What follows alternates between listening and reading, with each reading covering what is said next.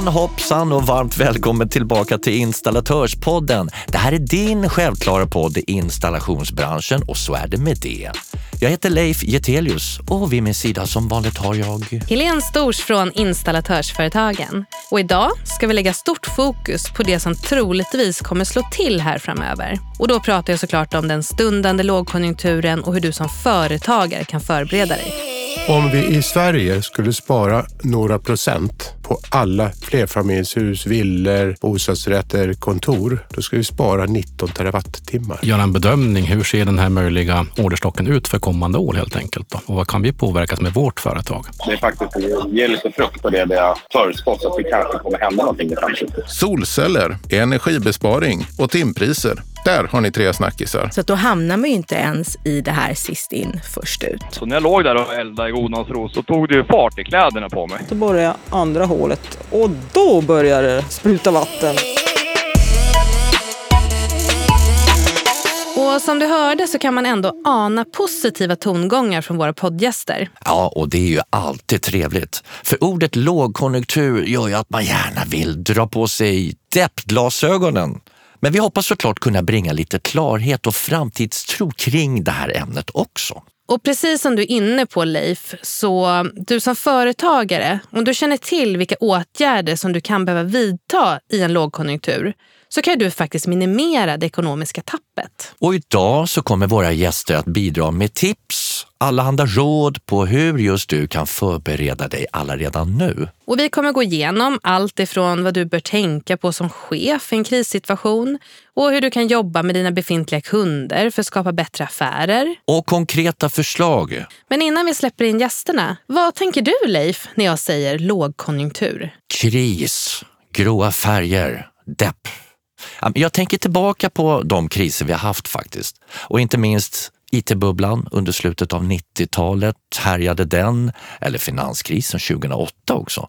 Två helt olika kriser som drabbade vårt land och svenska företag på olika sätt. Ja men absolut. Och nu kan vi faktiskt dra lärdom av det som har hänt och, och rusta oss redan innan vi hamnar i en liknande kris.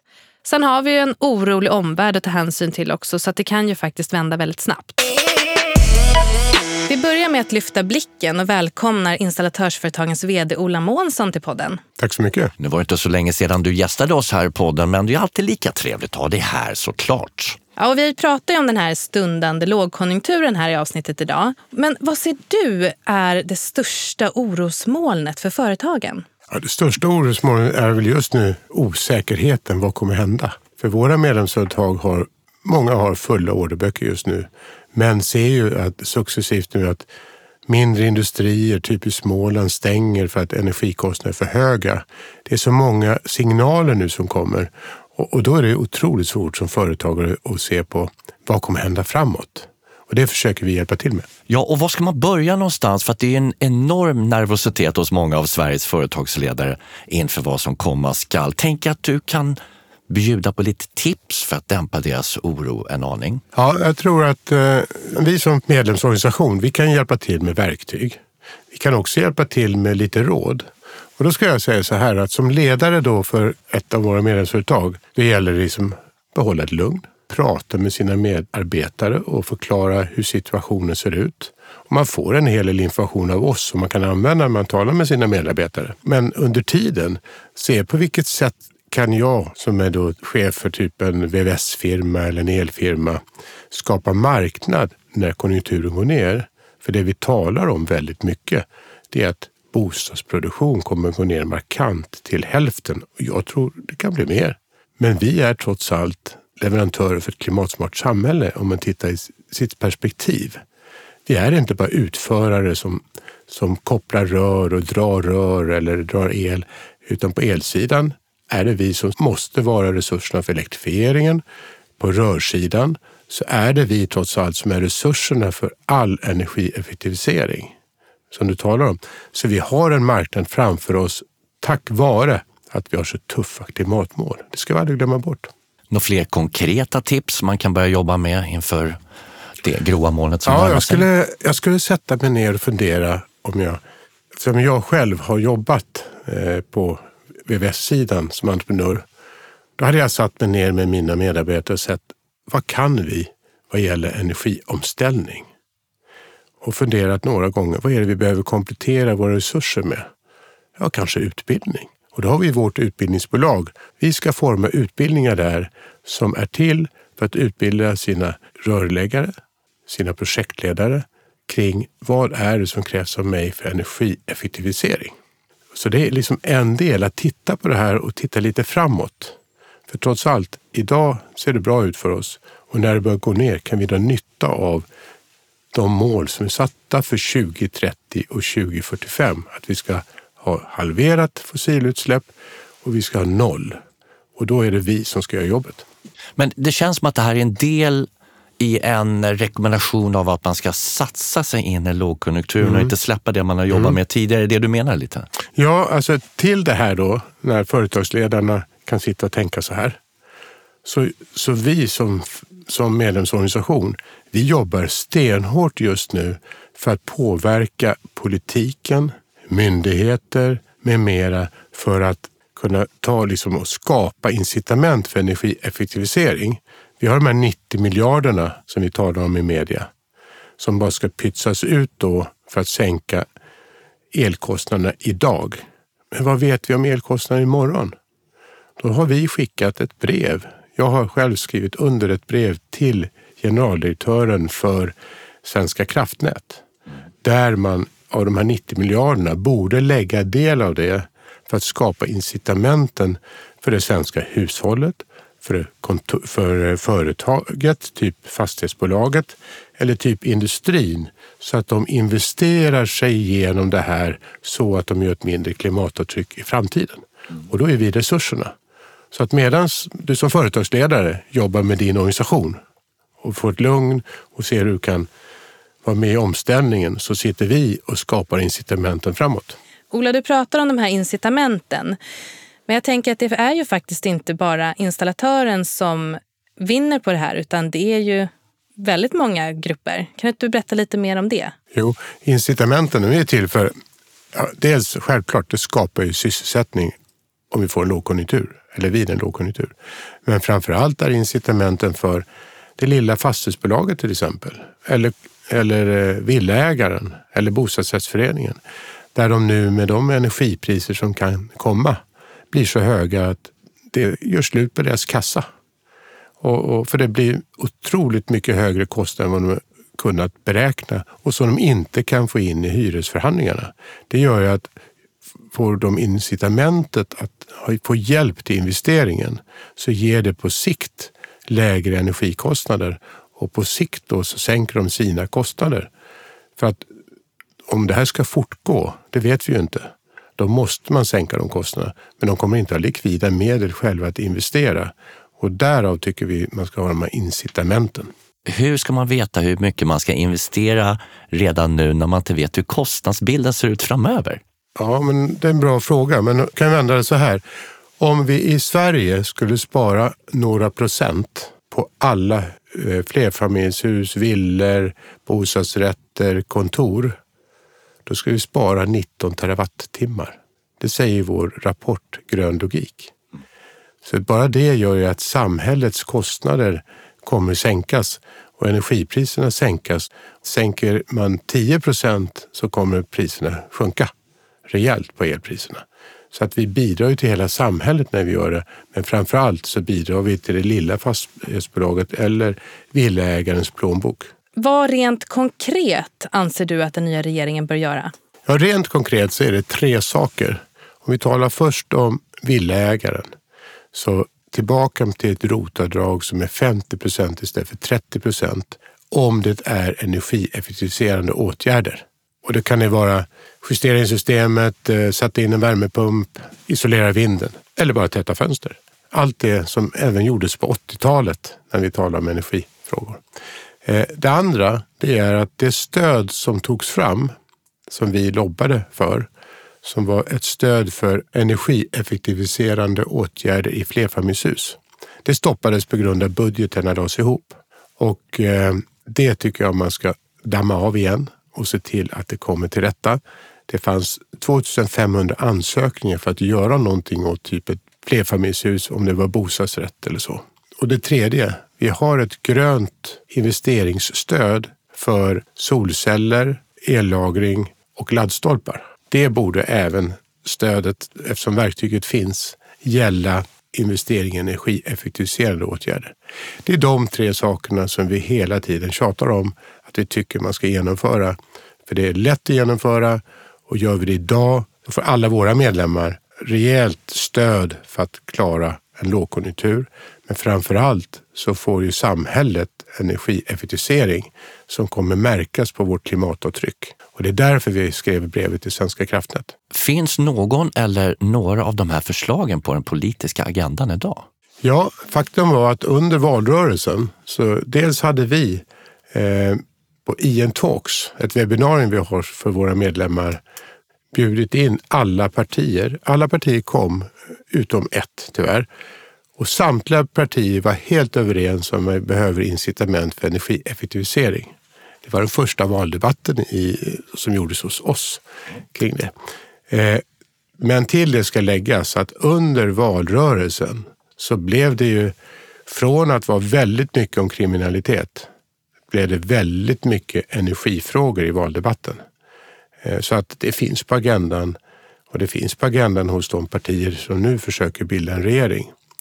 Och vår uppdrag nu för er medlemmar, det är ju att se till att tjänstemännen i regeringskansliet och att den nya regeringen får den input så de får rätt eh, stafettpinne att ta över nu när de ska ta över. Så du vill flytta fokus från att tänka kortsiktigt till att istället hitta långsiktiga lösningar som fungerar för installatören, men slutkunden och även för samhället? då? Precis så. Precis så måste du tänka. För att vi kommer leva i en värld där energin har blivit dyrare. Vi har en otrolig inflation just nu så våra kostnader kommer heller inte sänkas på överskådlig tid. Och det här måste vi leva med. Försöka dämpa inflationen och försöka skapa förutsättningar för alla att klara elkostnaderna. Bra Ola, vi har all anledning att återkomma till det här såklart. Tack för att du kom. Tack själva.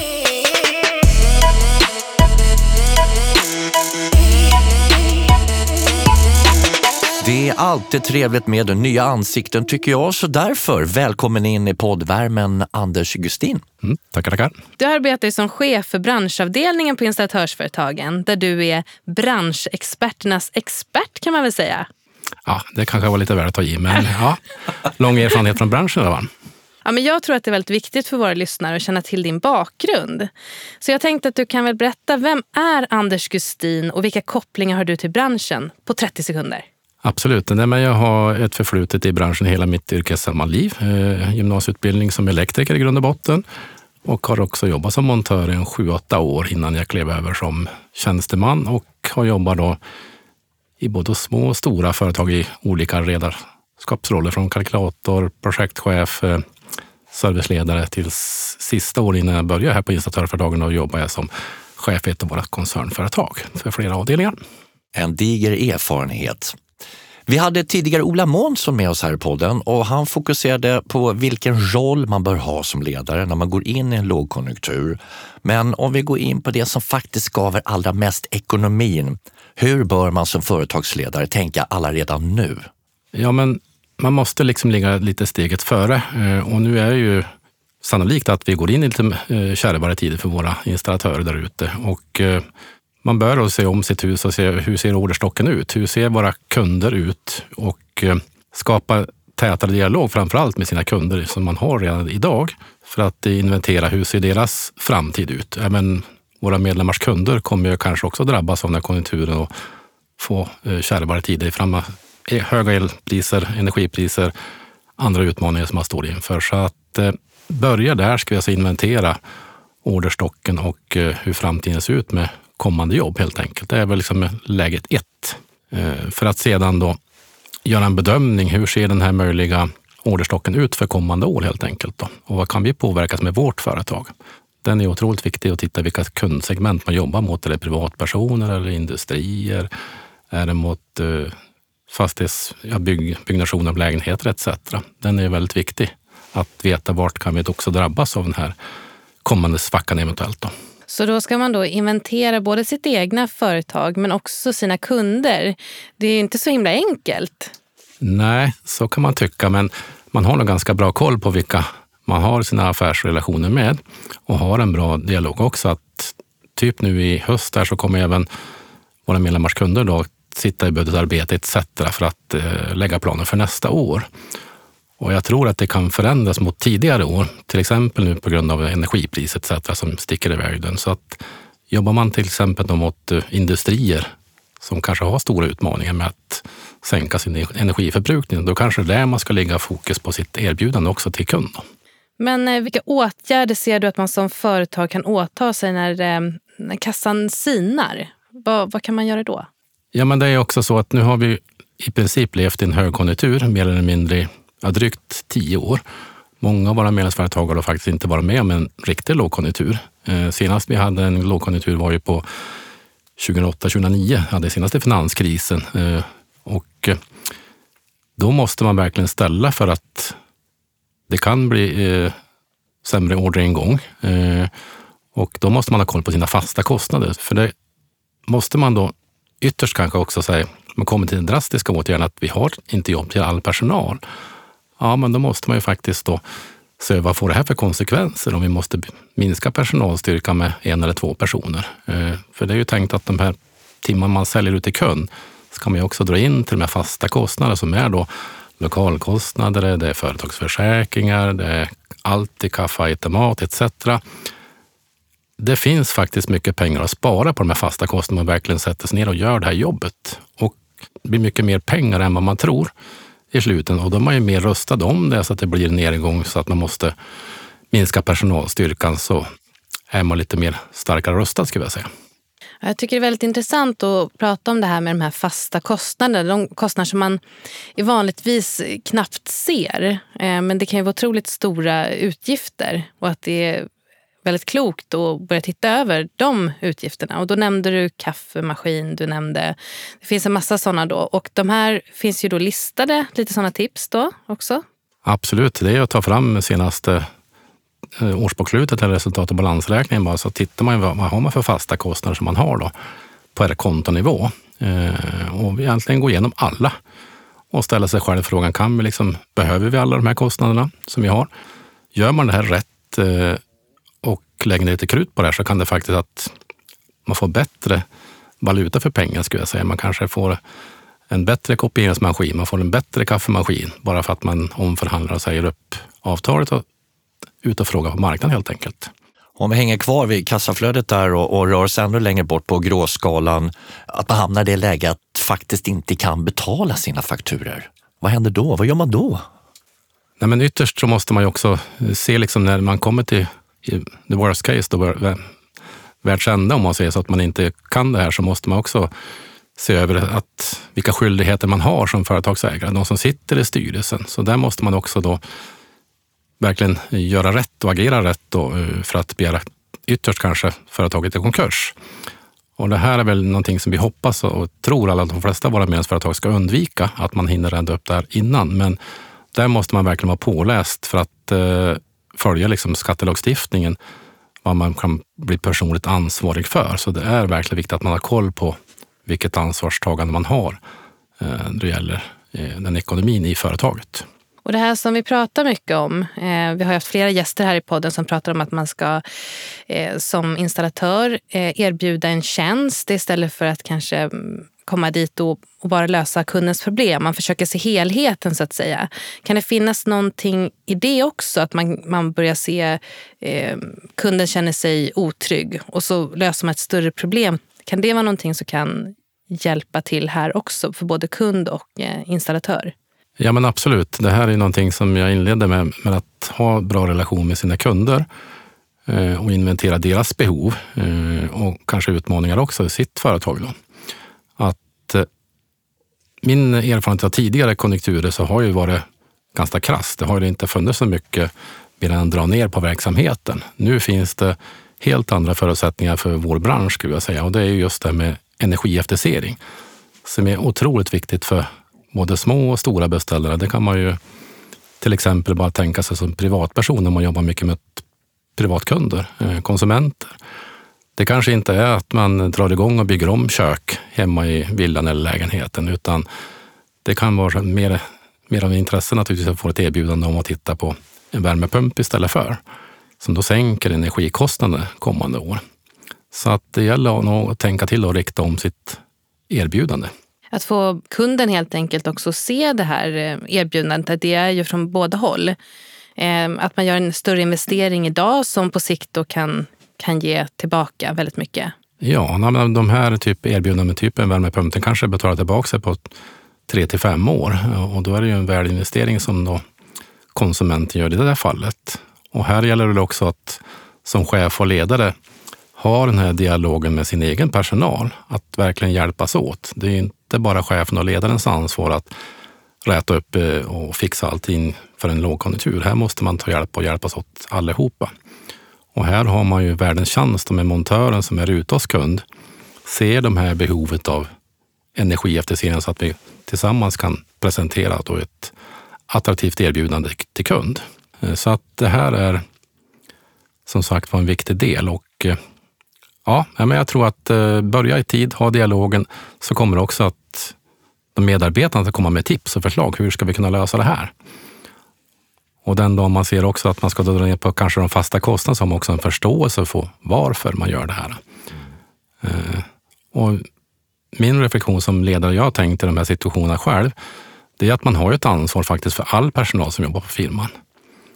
Det är aldrig roligt om man kommer att stå för faktum att man måste dra ner på personalstyrka och säga upp en eller två montörer. Det är inte alls kul, men väldigt nödvändigt för att över hela företaget och trygga allas framtid framåt. Det är lite grann så man måste tänka. Eh, och har man då dialogen med de anställda så brukar det gå ganska bra och man vet också att vi har möjlighet att komma tillbaka. Om det, man kanske i värsta fall måste vara hemma en stund, men då har man möjlighet att komma tillbaka ganska snabbt. Kommunicera mer än vanligt i de stundande tiderna. Absolut. Mm. Om vi ska ta och sammanfatta lite grann det vi har pratat om, Anders. Vilka är dina tre bästa tips till företagen att göra här och nu? Ja, man ska säga ett. Först komma hur ser det ut för just mitt företag i det här kommande liksom året? Att man verkligen samlar sig en bild. Hur, hur kan vi påverkas av den kommande eventuellt eh, konjunktursvackan? Då? Att skapa sig den bilden.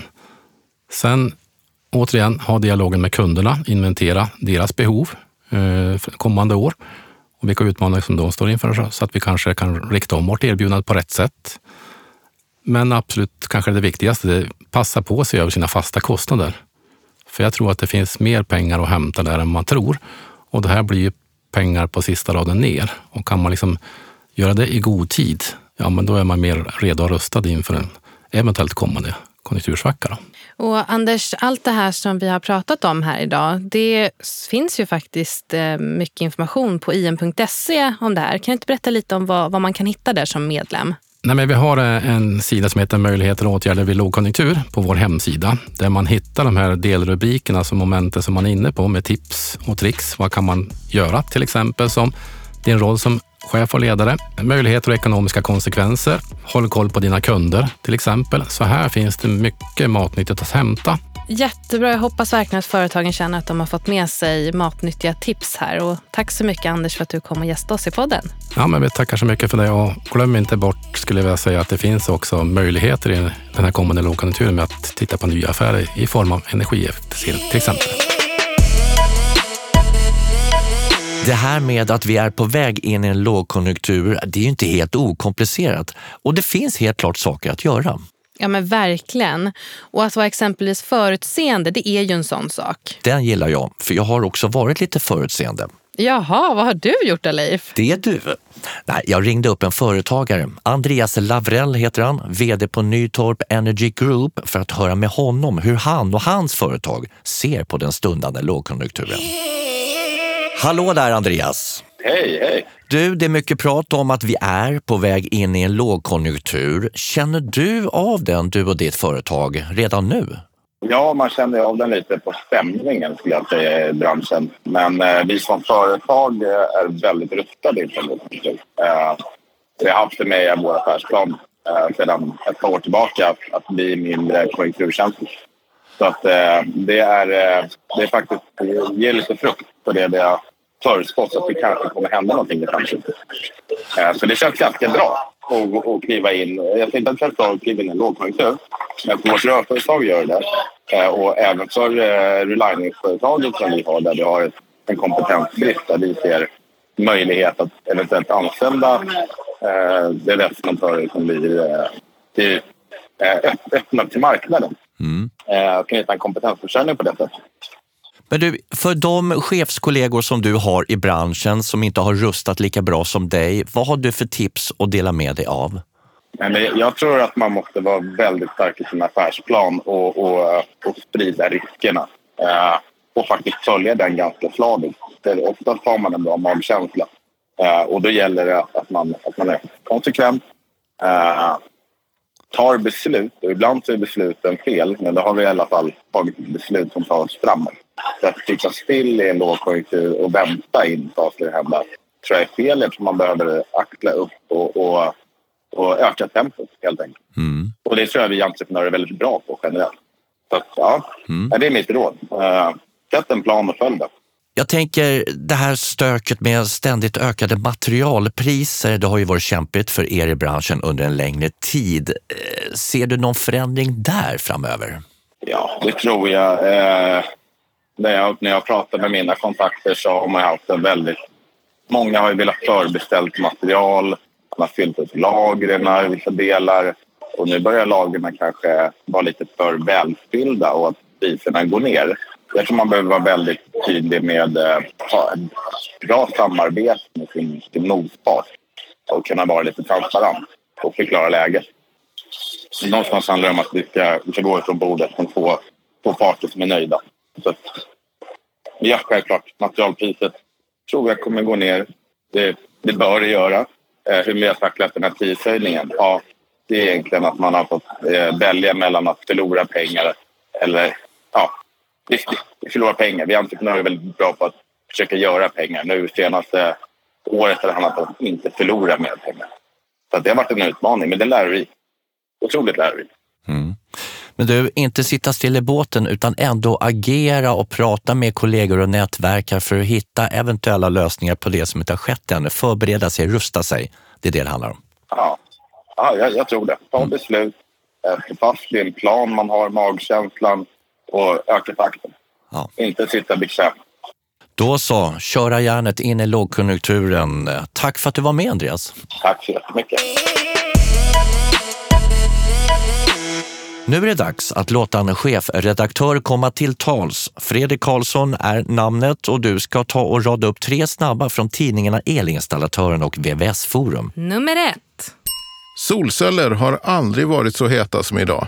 Energipriserna skenar och efterfrågekurvan för solceller pekar i samma riktning. Leverantörerna har svårt att hålla jämn takt med kunderna. Och elinstallatörer som gett sig in på solcellsmarknaden har att göra för lång tid framåt. Precis som de som installerar batterilager, värmepumpar och laddstolpar. Nummer två. Energibesparing pratas det om allt mer, men ändå inte så desperat som i exempelvis Tyskland. Där har idrottshallar stängt och badhus har strypt varmvattnet i duscharna. I Sverige har vi inte varit lika drastiska, men privatpersoner med höga elräkningar blir allt mer intresserade. Det är bra det, för här finns en potential menar experter. Nummer tre. Timpriserna har historiskt inte varit så höga i installationsbranschen. Rörmokare och elektriker har haft goda marginaler på materialet för att få ihop kalkylen. Men hur reagerar kunderna på detta och jämför med näthandeln? Kanske finns det ändå möjligheter att höja timpriserna och inte vara lika beroende av höga materialpåslag. Några har försökt och faktiskt fått acceptans för högre timpriser.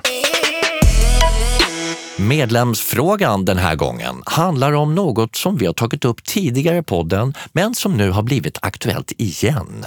Ja, för i dessa tuffa tider som vi nu står inför så kan det ju vara så att man vill sondera terrängen för att man ska veta hur man kan agera om man blir tvungen att minska personalstyrkan eller annat. Det är inget man vill göra såklart, men samma sak som vi har varit inne på tidigare så är det så viktigt att vara förberedd. Ja men verkligen, det är ju lite att tänka på. Och i huvudsak så handlar det om två frågor när man pratar om det här med att man vill minska på personalstyrkan. Och Barin Ösmen, biträdande förhandlingschef på Installatörsföretagen, hon var med i avsnitt 11 av Installatörspodden. Så nu lyssnar vi in lite på vad hon sa då. Det första handlar ju om att man har en medarbetare som man tycker inte fungerar i teamet. Och om det handlar om att säga upp den personen, då är det egentligen inte arbetsbrist det handlar om, utan det är ju personliga skäl. Och då får man se om man har grund för det. Så att då hamnar man ju inte ens i det här sist in, först ut.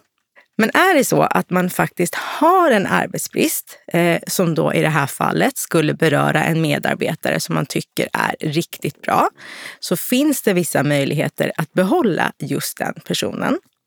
För det är ju så att innan man ens kan säga att man har en arbetsbrist så har man en skyldighet att omplacera de personer som kan komma att beröras av den här arbetsbristen. Så att har man andra lediga jobb inom företaget som de här personerna kvalificerar sig för så har man en skyldighet att erbjuda dem det jobbet först för att liksom slippa säga upp. Och är det då så att man har ett annat ledigt jobb inom företaget som den här medarbetaren kan ta så kan man ju alltid erbjuda det jobbet. För de omplaceringarna behöver man inte göra i någon sorts turordning. Och börjar då den här personen jobba på ett annat kontor, då berörs inte den av arbetsbristen på det kontoret som man hade arbetsbristen på, så att säga. Så där lät det alltså när Barin pratade om turordningsregler i avsnitt 11. Och svaret var lite längre då, men vi har kortat det och det är för att från den 1 oktober 2022 så gäller de nya LAS-reglerna och huvudavtalet. Det här gör ju att det blir en del förändringar på området, men den här delen som vi hade med här nu, den fortsätter att gälla. Trevligt när det händer grejer. Kul med förändringar tycker vi. Så att vi har kommit fram till att vi ska ha ett eget poddavsnitt som handlar just om det här. Så att du som företagare verkligen vet vad som gäller framöver. Oj, vad hände där? Det är en oerhört uppskattad programpunkt då vi låter några installatörer berätta om något som har inträffat under sina karriärer som inte gick riktigt som planerat så att säga. Och först ut hör vi Robert Svanqvist på Katrineholms rörproduktion. Vi jobbar med fjärrvärmekulvert och hade gjort en anborrning och sen skulle vi gå över en ledning och det vart ju trångt som fan, vi skulle svetsa det där. Och så skulle vi ha dit en långböj heter det och det var trångt att komma åt under så jag la mig lite tokigt då. Och när man svetsar med gas då, då kommer det ut lite lågor kan jag göra. Ifrån änden då. Och det, den där änden på den där långböjen, den var ju strax ovanför min rygg. Så när jag låg där och eldade i godnadsro så, så tog det ju fart i kläderna på mig. Jag hade väl inte riktigt rätt kläder för det där måste jag väl erkänna. Men det var ju ingenting som uppenbarade sig riktigt sådär så att jag kände att det brann förrän jag reste mig. Och det var ju ja, så fem i nio på morgonen. Så det var ju liksom, ah, vi hinner det här innan frukost. Så det var, det var väl lite dumt. Och när jag reste mig upp, ja men då hade det liksom bara brunnit i t-shirten så det brände upp hela ryggen där. Och det gjorde ju ont som satan såklart. Och vad fan gör vi nu då? Uh, nej, men det är ju, vi åker upp till firman. Så vi ringde till chefen. Ja, ta fram det här och se till att man kommer in liksom i duschen direkt. Jag trodde ju inte att det var någon fara. Men, aha, men han hade inte tid för han, nej men jag har Arbetsmiljöverket här på besök. Jaha, aj fan. Ja, men då ska vi ju inte visa oss där då, om det har hänt någonting precis. Så det var ju bara upp till sjukan och då ja, klädde av mig där och in i duschen. Stod och spola kallvatten där, eller ljummet vatten som jag har tills jag skulle in på observationsrummet där då, och då jävlar vad ont det gjorde. Då fattade jag liksom att nu, det här var fan inte bra. Och så länge man hade vätska på och höll det fuktigt då gick det bra. Men när man skulle ut i luften sen och det hann ju torka till lite och jävlar då liksom fattade jag att det här var inte bra alls. Överlag så var det två andra gradens brännskador. Men det var bitar i mitten som det var ja, grillat ordentligt. Då var det trean. Tredje gradens brännskada. Idag har jag ett R. Det är ungefär som en fotsula. Och det var lite kul när, när det var en sårskorpa på det där. Då, då såg ju hela brännmärket ut som Sverige. Som Sverigekarta liksom. Så det tog vi kort på och så skickade jag och sambon in det där till landet runt. De hade ju att de visade saker som var likt Sverige. Man kunde lämna in vad som helst. Det var kul. Herregud, ibland går det hett till. Sånt där vill man ju inte vara med om en vanlig arbetsdag, vilken som helst. Nej, vi släpper det och plockar in nästa installatör istället och hör vad hon har att berätta. Det var väl då när eh, jag borrade i ett vattenrör och blev alldeles plaskblöt. Det var en gammal tant som hade köpt en eh, tvättmaskin som jag installerade med elen och så. Det gick jättebra. Och sen så skulle jag ju då sätta upp den här eh, där slangen hänger bakom tvättmaskinen. Och borrade då ena hålet och det gick bra. Och så borrade jag andra hålet och då började det spruta vatten rakt på mig. För jag borrade tydligen i ett vattenrör som gick in i väggen. Jag eh, ställde mig för för att hon hade ju sin konstsamling. Det var en konstnär där i hennes konsthall hemma i hennes villa så att det inte skulle bli förstört allting. Och eh, så skrek jag, det var en annan tjej där som var och eh, gick någon utbildning hos henne. Så hon skulle komma och hjälpa till och se och hitta var man stängde av vattnet. Så då fick hon undan lite grejer som låg på golvet för allting stod på, liksom på vagnar så att det blev ju inte blött som tur var. Nej, men, och du står just Jag nu står- helt och täcker det Jag där. står här och täcker den här vattenstrålen och blir bara blötare och blötare och hon springer runt och ja men var kan den vara någonstans? Ja, jag vet inte. Var konstnärinnan hemma just Hon då? var hemma, var en äldre dam. Hur mycket skrek hon då? Ja, hon skrek jättemycket. Och du skrek lite grann? Och jag sa att hon skulle vara tyst, vi löser det här. Nej. Och då kom eh, vi på den geniala idén, vi ringer brandkåren. Och då kommer brandkåren dit och de hittade till slut den här eh, avstängaren. Den var inbyggd i en bokhylla. Så att, eh, och så de fick ju öppna där då och eh, så stängde de av vattnet, tackade för sig och sa att det var jättebra att vi hade ringt för tänk vilka fan vattenskador det hade kunnat bli. Och sen så ringde jag till min dåvarande chef och han ringde en rörmokare som kom dit och lagade röret. Och sen så satte jag upp den där på ett annat ställe. Och tvättmaskin funkade. Och vi torkade upp allt vatten, jag och den här andra tjejen. Sen åkte jag hem och bytte kläder. Och sen kom jag tillbaka och då bjöd konstnärinnan på mat. Och så glömde vi det. Tack för den storyn, Kristin Svedjestrand på Segeltorps Kraft och Data. Och då slår vi igen anekdotdörren för den här gången. Ännu ett avsnitt går mot sitt slut. Det är dags att sätta punkt, Helene. Ja, även om ämnet stundtals har varit väldigt allvarligt så finns det ändå en positiv klang i det. Och jag känner i alla fall den framtidstro som vi lyfte i början på det här avsnittet. Och det gör faktiskt jag med. Ja, men det är ju helt fantastiskt. Och glöm inte bort att det här är installationsbranschens podd. Det är din podd. Och du kan alltid följa oss på installatörsföretagen i sociala medier där vi är aktiva på LinkedIn, Twitter och Facebook. Hörni, vi hörs snart igen och fram till dess, ta hand om dig. Hej då!